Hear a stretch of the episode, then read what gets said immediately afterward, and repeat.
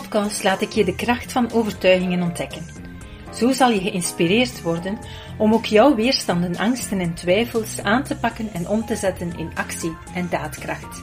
Ik ben Iris Willems en ik heet je van harte welkom bij de Kracht van Overtuigingen podcast.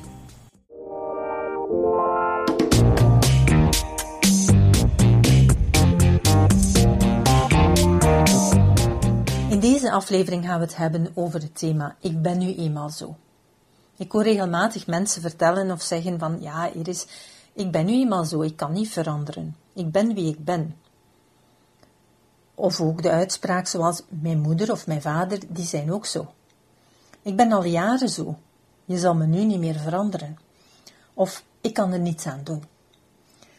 En die uitspraken, dat zijn overtuigingen. Dat zijn jouw overtuigingen.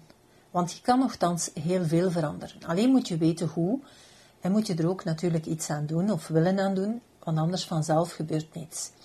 Dus die overtuigingen, die belemmeren je heel vaak. En ik ga starten met jou even een voorbeeld te geven van mezelf. Toen ik um, afgestudeerd was en ik had ondertussen, uh, de vorige podcast zal je wel gehoord hebben, de ontdekking gedaan uh, van hoe krachtig ons brein is en wat je met je brein allemaal kan doen. Dus ik was heel enthousiast om dat de wijde wereld in te brengen en daarmee een job van te maken. En de directeur van het revalidatiecentrum, waar ik al twee jaar stage liep, um, die wou me wel een duwtje in de rug geven. En die had mensen uitgenodigd om naar een uiteenzetting te komen luisteren. En dus ja, een zeventigtal mensen komen bij elkaar en ik doe mijn verhaal. Ik vertel eigenlijk uh, om hen ja, inzicht te doen krijgen in de mogelijkheden en het potentieel. En nadien gaan die weg. En eh, ja, ik had aan die directeur gevraagd van, kijk, uh, doe jij de opvolging, want jij kent die mensen, het is jouw netwerk, um, dus geef me wat feedback. Maar elke keer als ik om feedback vroeg, dan kreeg ik zo wat een antwoord die eigenlijk een beetje rond de pot draaien was en ik kreeg geen echte feedback. En na drie maanden dacht ik van, dat klopt hier niet, ik ga daar toch maar een keer grondiger naar vragen. Dus ik zei van, kijk, geef me nu echt de reden waarom dat er daar niets uitgekomen is. Wat hebben die mensen gezegd? Want ik voel dat er iets niet klopt.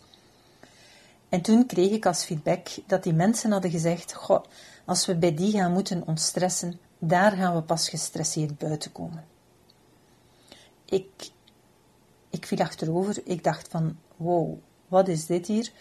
Um, die mensen hadden eigenlijk gezegd dat ik door mijn manier van spreken hen helemaal nerveus maakte.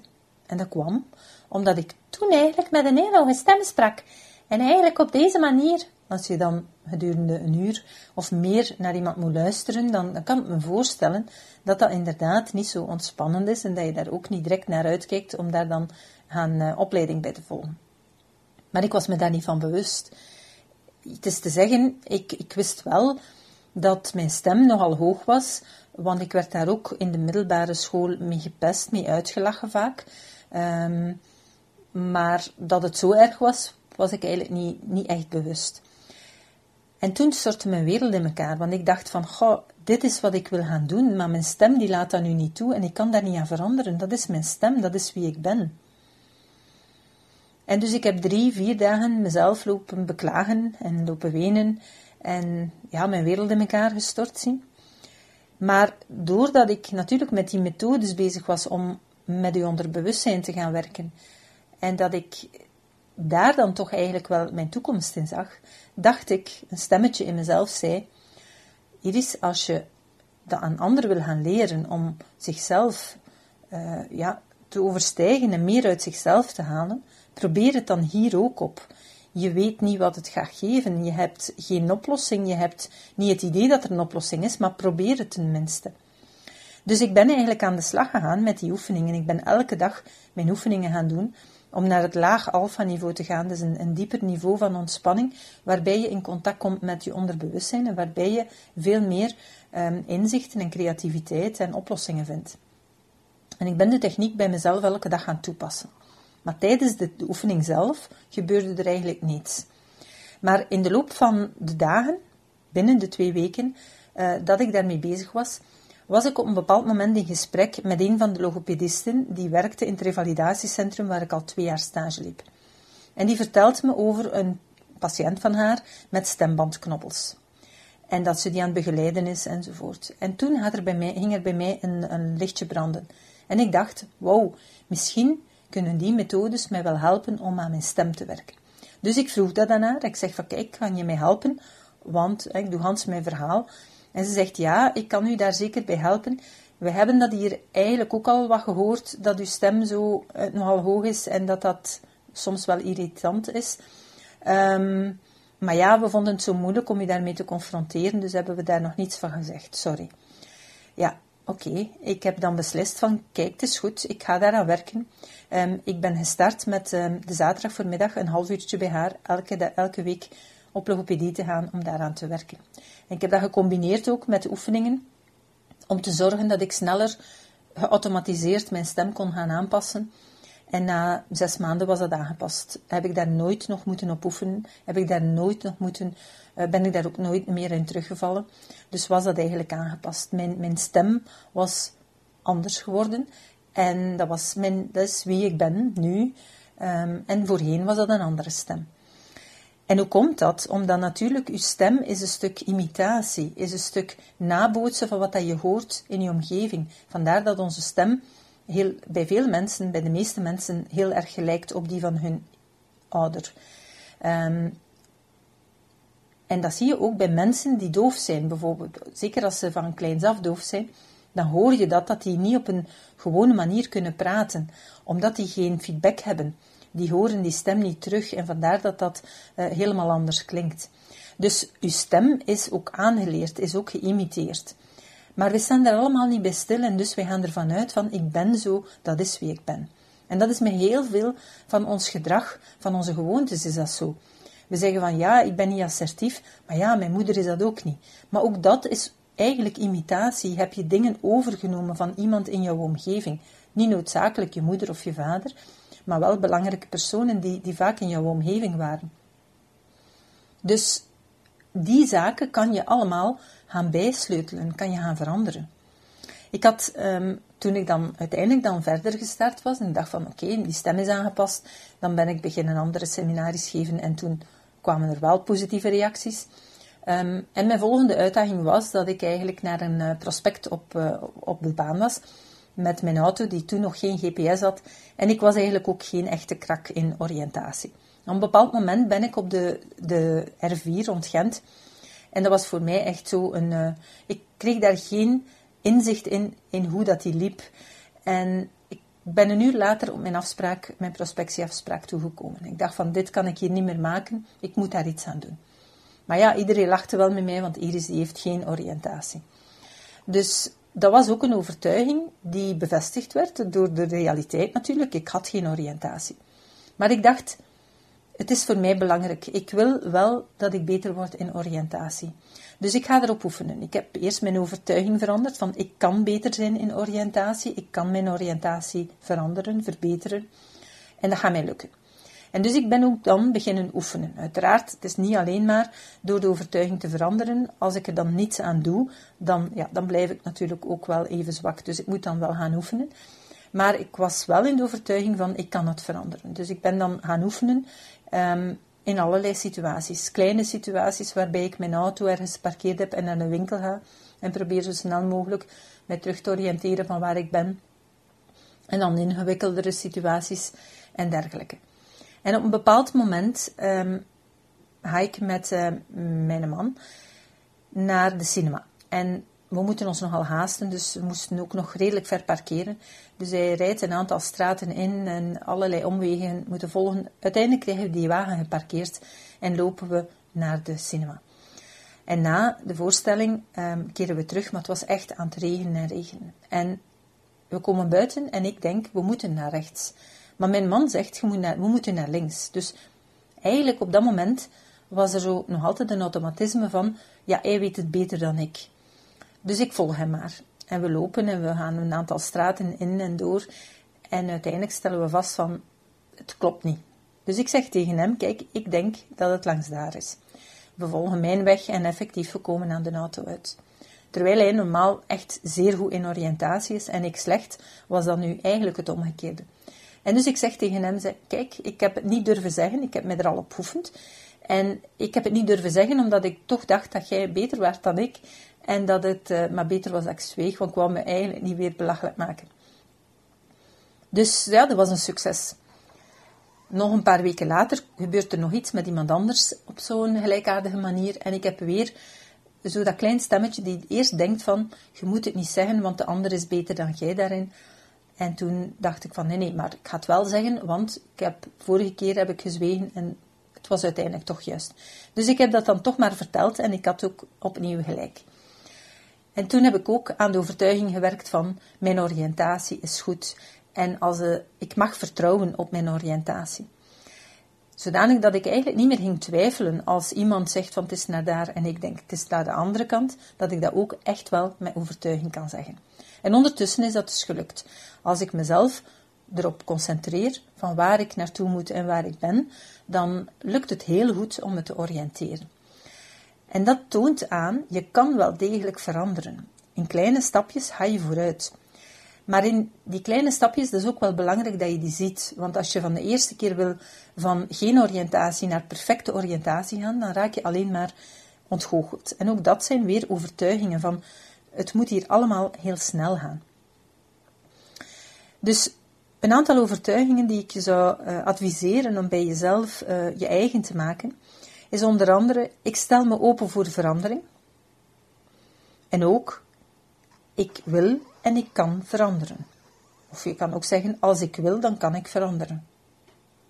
Dat zijn eigenlijk al drie belangrijke overtuigingen. Maar zoals ik daarnet zei, het moet snel gaan is ook vaak een stemmetje die we hebben. We willen dat alles snel gaat en daarom is het ook belangrijk bij jezelf in te prenten, beetje bij beetje ga ik vooruit en dan kom ik er. Net zoals bij mij met die oriëntatie. Door te oefenen, door elke keer opnieuw in kleine situaties te oefenen, word je daar beter in. En het is niet van de eerste keer dat je perfecte oriëntatie hebt, maar het is wel door beetje bij beetje te verbeteren, dat je geleidelijk aan vooruit komt en dat je op de duur vaststelt van ja, ik ben goed in oriëntatie of in iets anders. Hè.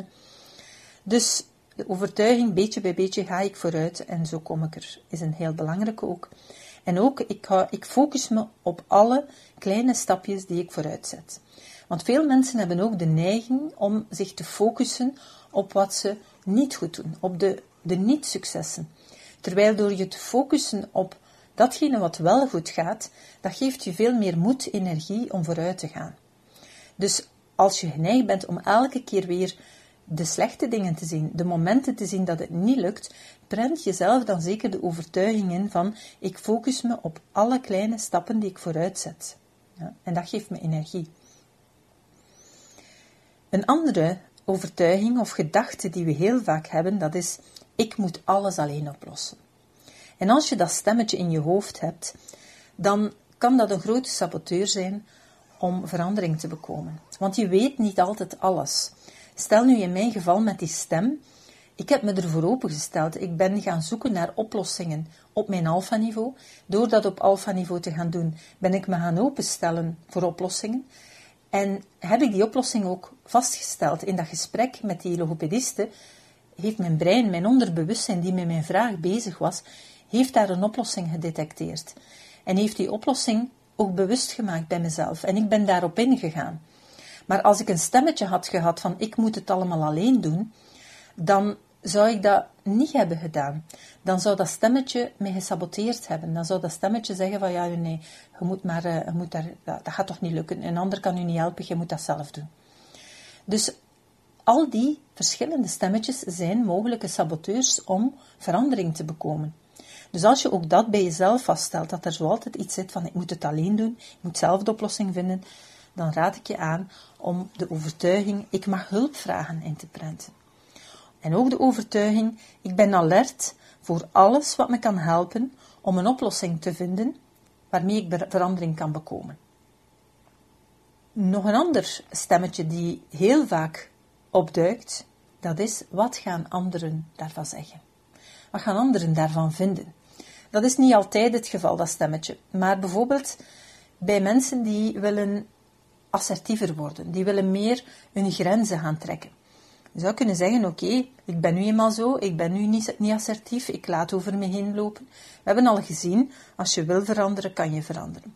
Als je bij jezelf gaat inprenten dat kleine stapjes vooruitzetten ook vooruitgang zijn en dat je daar beetje bij beetje naar je doel kunt geraken, dan, dan ga je merken dat je daarin evolueert en dat je zeer goed kunt evolueren. Maar een saboteur kan ook zijn dat het stemmetje zegt, ja, maar mijn omgeving gaat dat nooit aanvaarden. Die zeggen gewoon dat ik altijd alles voor hen doe. Die zeggen gewoon dat ik altijd knik. Die zeggen gewoon dat ik altijd ja zeg voor wat dat ze vragen. En dat stemmetje moet je natuurlijk ook gaan aanpakken. Dus je zou kunnen inprenten, het is veilig om te veranderen. En ook als ik verander, dan zal dat voor mijn omgeving ook een gewoonte worden. Dus dat je jezelf gaat inprenten van, als ik verander, dan gaat mijn omgeving ook mee veranderen. Dan gaat dat voor hen ook een gewoonte worden. Want dat is natuurlijk wat er gebeurt. Op het moment dat jij daar niet in gelooft en dat je denkt van ja, maar mijn omgeving gaat dat niet aanvaarden, hè, dat is een overtuiging, dat is ook een stemmetje, um, dan bij het minste dat jij een poging doet om je grenzen te trekken of om op te komen voor je mening, en het minste dat een ander daar tegenin gaat en bijvoorbeeld tegen je zegt, ja, vroeger kon je altijd op u rekenen. Toen mocht je alles aan u vragen en je deed het altijd en nu niet meer. Nu kunnen we niet meer op u rekenen. Dan zeggen ze dat om u te kwetsen. Ze zeggen dat, ja, omdat ze het ook gewoon zijn dat zo was. Maar als jij in je overtuiging nog altijd zitten hebt dat je omgeving dat niet gaat accepteren, dan gaan ze bij die uitspraak, gaan ze jou ook elke keer rechtstreeks terug katapulteren naar je vorig gedrag. Dus je moet eigenlijk in je eigen overtuigingen gaan geloven dat ze geleidelijk aan ook gaan aanvaarden en ook gaan accepteren dat je veranderd bent en dat ze jou nog altijd even graag gaan hebben. Ook die overtuiging is belangrijk. Mijn omgeving zal aanvaarden dat ik verander en zal daar ook gewoon aan worden en zal me nog altijd even graag zien. Die overtuigingen heb je ook nodig. Afhankelijk van de situatie natuurlijk, van het soort gedrag dat je wil veranderen.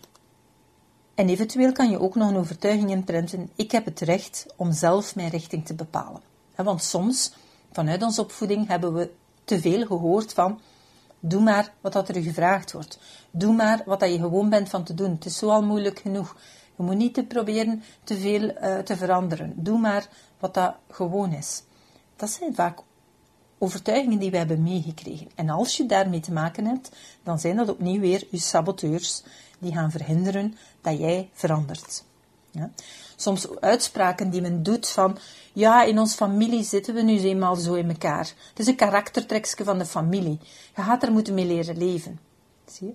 Dat zijn zaken die vasthouden in uw patronen. Dat zijn overtuigingen die ingeprent zijn en die u verhinderen om maar enige oplossing of enige overweging te maken dat het anders kan.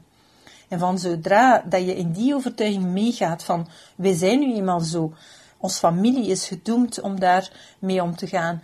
Hoort dat ook bij mensen die bijvoorbeeld uit kansarmoede komen? Die overtuiging is zo erg van je geraakt daar nooit uit. Je kunt nooit een beter leven hebben dan dit. Wij zijn gedoemd om op straat te leven. Wij zijn gedoemd om in armoede te leven. Die overtuigingen zijn zo sterk dat de kans heel groot is dat iemand effectief daarin blijft hangen. Tenzij hij op het juiste moment iemand tegenkomt die hem daaruit haalt en die overtuiging kan gaan helpen te veranderen.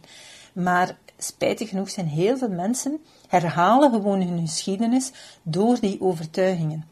Dus kom daar alsjeblieft uit los. Durf bij jezelf uw overtuigingen in vraag te stellen. En ik hoop u met deze podcast ook echt te inspireren en te doen nadenken over die stemmetjes in je hoofd die geen waarheid zijn, maar die echt wel ja, overtuigingen zijn die er gekomen zijn, gedeeltelijke stukken van de werkelijkheid maar. Dus wil je verandering bekomen, wil je werken aan jezelf, werk aan deze overtuigingen. Ik ga ze nog even kort samenvatten, nog even kort herhalen, um, welke ik allemaal heb genoemd. Ik stel me open voor verandering. Ik wil en kan veranderen. En ook, als ik zelf wil, dan kan ik veranderen. Beetje bij beetje ga ik vooruit en kom ik er. Ik focus me op alle kleine stappen die ik vooruit zet. Ik mag hulp vragen. Ik ben alert voor alles wat me kan helpen een oplossing te vinden om verandering te bekomen. Het is veilig om te veranderen. Als ik verander, zal dit voor mijn omgeving ook een gewoonte worden. En ik heb het recht om zelf mijn richting te bepalen. Ik hoop je met deze podcast opnieuw geïnspireerd te hebben en ik hoop dat je in actie komt. Als je wil verandering bekomen bij jezelf, ga dan even naar de pagina prana.be schuine streep overtuigingen. Vul je naam en je e-mailadres in en dan ontvang je meteen een uh, e-book over de kracht van overtuigingen. En dan zal je meteen ook uitgenodigd worden voor een gratis webinar over de kracht van overtuigingen, waarin ik je vertel hoe je kan komen tot het veranderen van je overtuigingen. Ik wens je veel oefenplezier, veel stof tot nadenken in de komende week en ik kijk er alvast naar uit om jullie in de volgende podcast opnieuw te mogen verwelkomen. Dag! Super tof dat je hebt geluisterd naar de Prana Mental Excellence podcast. Ik hoop dat je het waardevol vond en dat je er inzichten uit hebt kunnen halen voor jezelf en voor je eigen business. Vond je het een waardevolle podcast, dan zouden we het heel erg waarderen als je dit zou willen delen. Enerzijds door dit te delen via je eigen Instagram of LinkedIn. Maar wat we nog meer zouden waarderen als je tijd en moeite zou willen nemen om ons een review achter te laten. Werk je met een Apple-telefoon, dan kan je dat doen binnen je eigen podcast-app door daar een review te geven. Geef ons een x aantal sterren met daarbij een korte motivatie wat je van onze podcast vindt. En werk je met een Android-telefoon, dan zie je dat de meeste apps geen review-mogelijkheid hebben. Wat we dan heel erg zouden waarderen, is als je op Google Prana Mental Excellence zou willen intypen en vervolgens via de Google Review sectie iets zou willen vertellen over Prana, wat je van ons vindt en wat je aan onze podcast hebt gehad. Alvast heel erg bedankt. Ik hoop dat je er volgende week weer bij bent bij onze volgende aflevering van de Kracht van Overtuigingen podcast.